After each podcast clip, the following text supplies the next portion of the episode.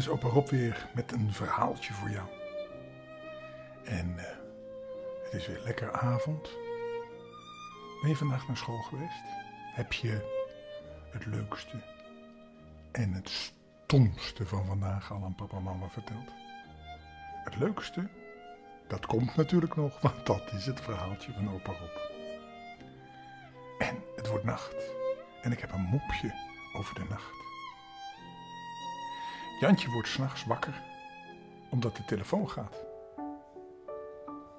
Hij neemt hem op en hij hoort een vreemde stem zeggen: Oh, sorry, ik heb het verkeerde nummer. Sorry dat ik u wakker maak. Jantje die zegt: Ach, dat geeft niks hoor, ik moest toch wakker worden, want de telefoon ging. die ging natuurlijk omdat hij verkeerd gebeld had. Maar goed. Nou,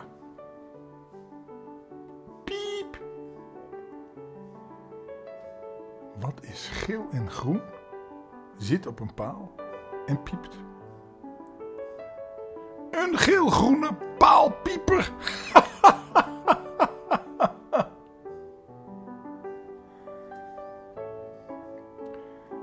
op de wc.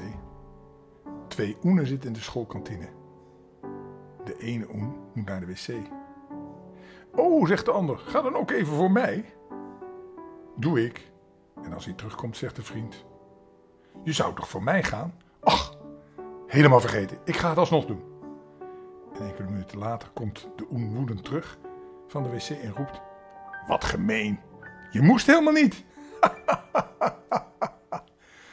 ja, we zijn bezig met het verhaaltje van Aladdin en de toverlamp. Weet je wel wat er gebeurt? Aladdin, dat is een jongetje. En die had een toverlamp gekregen van een Afrikaanse tovenaar. Maar die was niet te vertrouwen. Nou, dat gaan we maar gauw weer verder luisteren.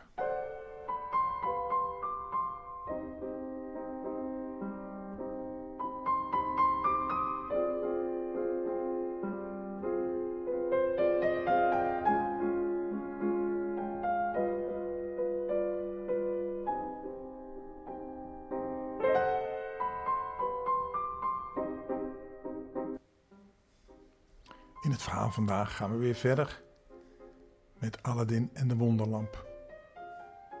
Je weet hè, Aladdin is inmiddels getrouwd met de prinses. En elke keer wrijft hij over de lamp en dan komt er een geest. En die heeft een paleis voor hem gebouwd. En ramen met hele grote diamanten en robijnen. Nu, inmiddels had Aladdin ook de harten van het hele volk gewonnen omdat hij altijd vriendelijk was tegen iedereen.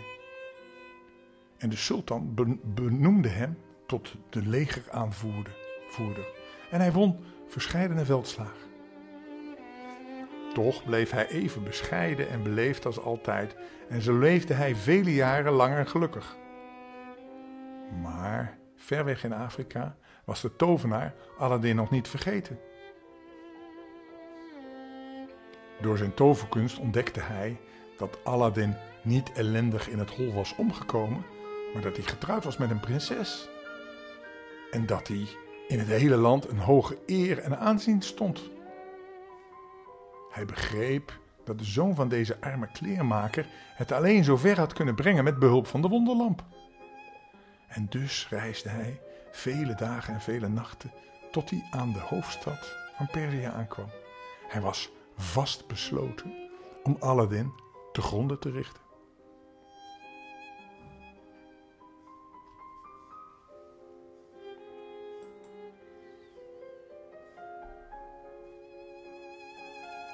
Door de stad wandelend hoorde de tovenaar de mensen over het wonderbaarlijke paleis praten.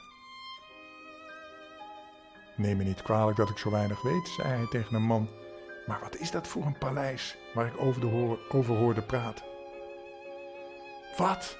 Heeft u nog nooit het paleis van Aladdin gezien of gehoord? antwoordde de man. Dat is een wereldwonder. Het grootste wereldwonder dat er bestaat. Als u het wilt zien, wil ik er u wel even naartoe brengen. De tovenaar nam het aanbod graag aan En toen hij het paleis zag, wist hij dat het gebouwd was door de geest van de lamp. Het maakte hem half gek van woede. Hij besloot de lamp van Aladdin af te pakken en Aladdin zelf weer straatarm te maken. Helaas was Aladdin voor acht dagen op jacht gegaan. En dat gaf de tovenaar tijd genoeg om zijn plannen uit te voeren. Hij kocht twaalf koperen lampen, deed ze in een mand en ging ermee naar het paleis. Ik ruil nieuwe lampen voor oud, schreeuwde hij, en een heleboel mensen liepen achter hem aan en hielden hem voor de gek. De prinses die in de zaal met de 24 vensters zat, stuurde een slavin naar buiten om te kijken wat er aan de hand was. En die slavin kwam even later hardlachend terug, zodat de prins haar, prinses haar standje gaf. Ach mevrouw, antwoordde de slavin, je moet, je moet hier wel om lachen. Als je zo'n malle oude man ziet die nieuwe lampen voor oude lampen wil geven. Een andere slavin hoorde dat en zei: Op die kroonlijst staat een oude lamp die die wel kan hebben. Nu moet je weten, dat was de wonderlamp die Aladdin daar had neergezet, omdat hij hem niet mee kon nemen op de jacht. De prinses kende de waarde van de lamp niet en zei lachend tegen de slavin: Ga die lamp maar inruilen. Het meisje ging naar de tovenaar en zei: Hier, geef mij deze lamp voor een nieuwe. Hij pakte vlug de lamp aan en terwijl de mensen hem uitjouwden, zei hij tegen de slavin dat zij een nieuwe lamp mocht uitzoeken. Hij trok zich niets aan van alle bespottingen die hij hoorde, maar ging er vlug vandoor. Nu wilde hij geen nieuwe lampen meer voor oude ruilen. Hij haastte zich naar een eenzame plek buiten de stadspoorten en daar hield hij zich verborgen tot het avond werd. Toen wreef hij over de lamp en de geest verscheen en de tovenaar beval hem het paleis, de prinses en ook hemzelf naar een afgelegen oord in Afrika te brengen.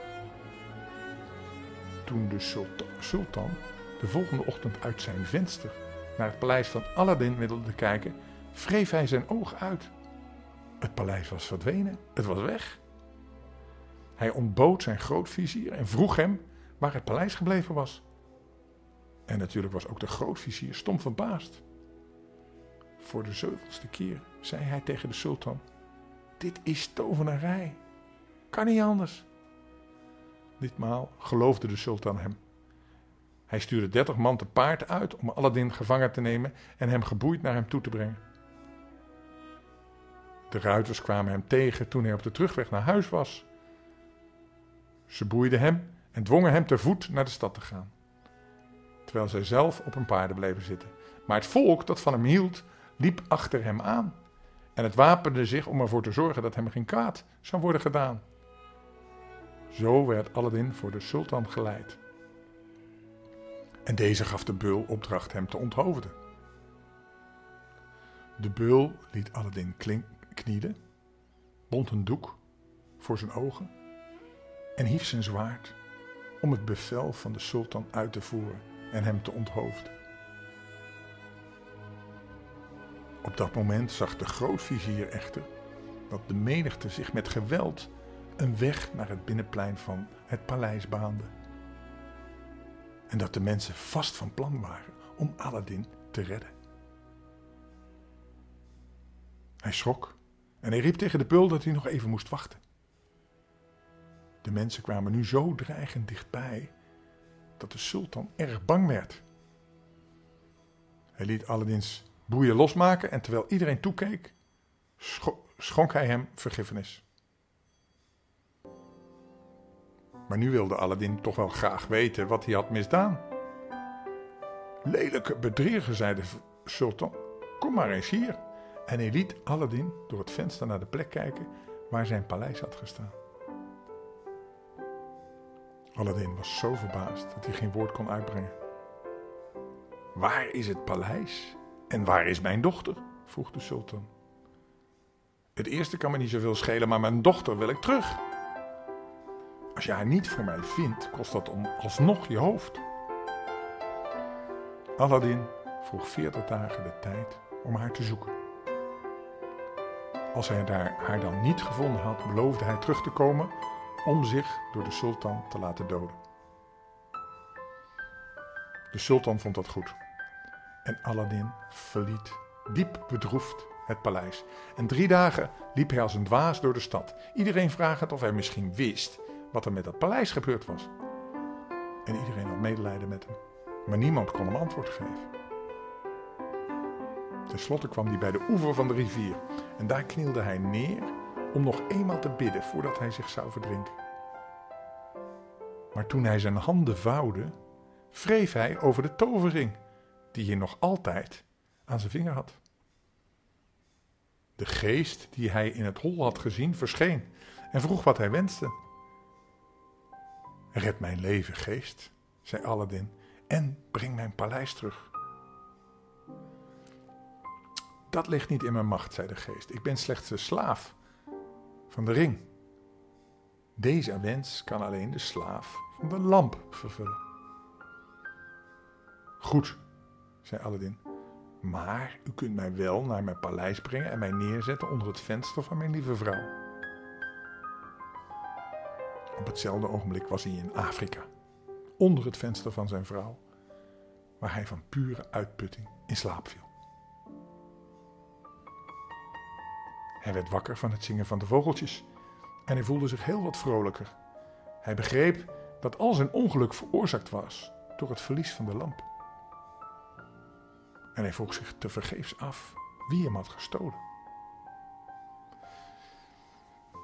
Die morgen stond de prinses vroeger op dan ze ooit had gedaan sinds zij door de tovenaar naar Afrika was gebracht.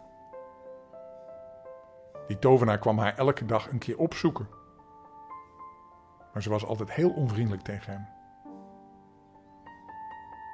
Zo onvriendelijk dat hij niet bij haar durfde te wonen. Terwijl zij die ochtend bezig was zich aan te kleden, keek een van haar slavinnen uit het raam. En ze zag Aladdin zitten. En ze waarschuwde de prinses, die natuurlijk vlug het venster opendeed. Aladdin hoorde dat en keek omhoog. Zij riep hem vlug om bij haar te komen. Oh, wat waren ze blij om elkaar weer te zien. Nadat hij haar een kus gegeven had, zei Aladdin: Ik smeek je, lieve prinses, voordat we over iets anders praten, moet je me eerst vertellen wat er met die oude lamp is gebeurd. Ik had hem in de zaal met de 24 vensters op de kroonlijst gezet toen ik op jacht ging.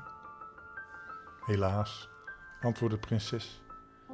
Zonder het te weten heb ik alle rampen veroorzaakt die ons hebben getroffen. En zij vertelde hem hoe zij de lamp had gerouwd. Ah, nu weet ik het, zei Aladdin. Het is allemaal de schuld van die Afrikaanse tovenaar. Waar is de lamp? Hij heeft hem altijd bij zich, zei de prinses. Dat weet ik, want hij heeft hem een keer van onder zijn mantel tevoorschijn gehaald om hem mij te laten zien. Ik moest jou ontrouw worden en met hem trouwen. Tenminste, dat wilde hij. Hij zei dat mijn vader je had laten onthoofden. Hij zegt altijd gemene dingen van je. Het enige antwoord wat ik hem geef zijn mijn tranen. Maar als ik blijf weigeren, zal hij zeker geweld gaan gebruiken.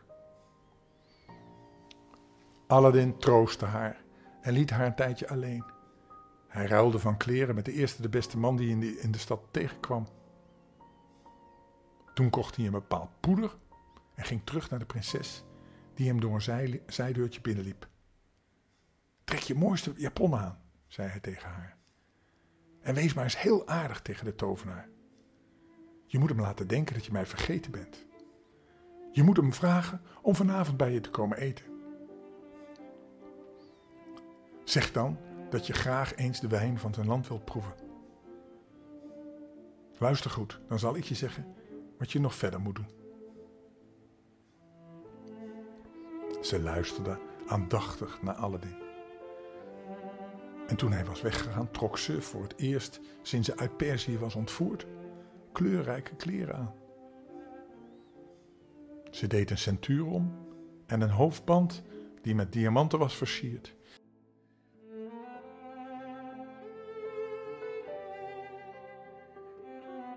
Nou, dat is ook wat.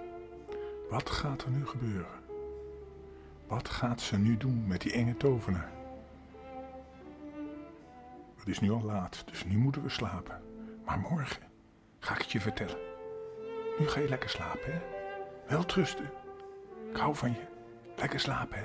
Dag.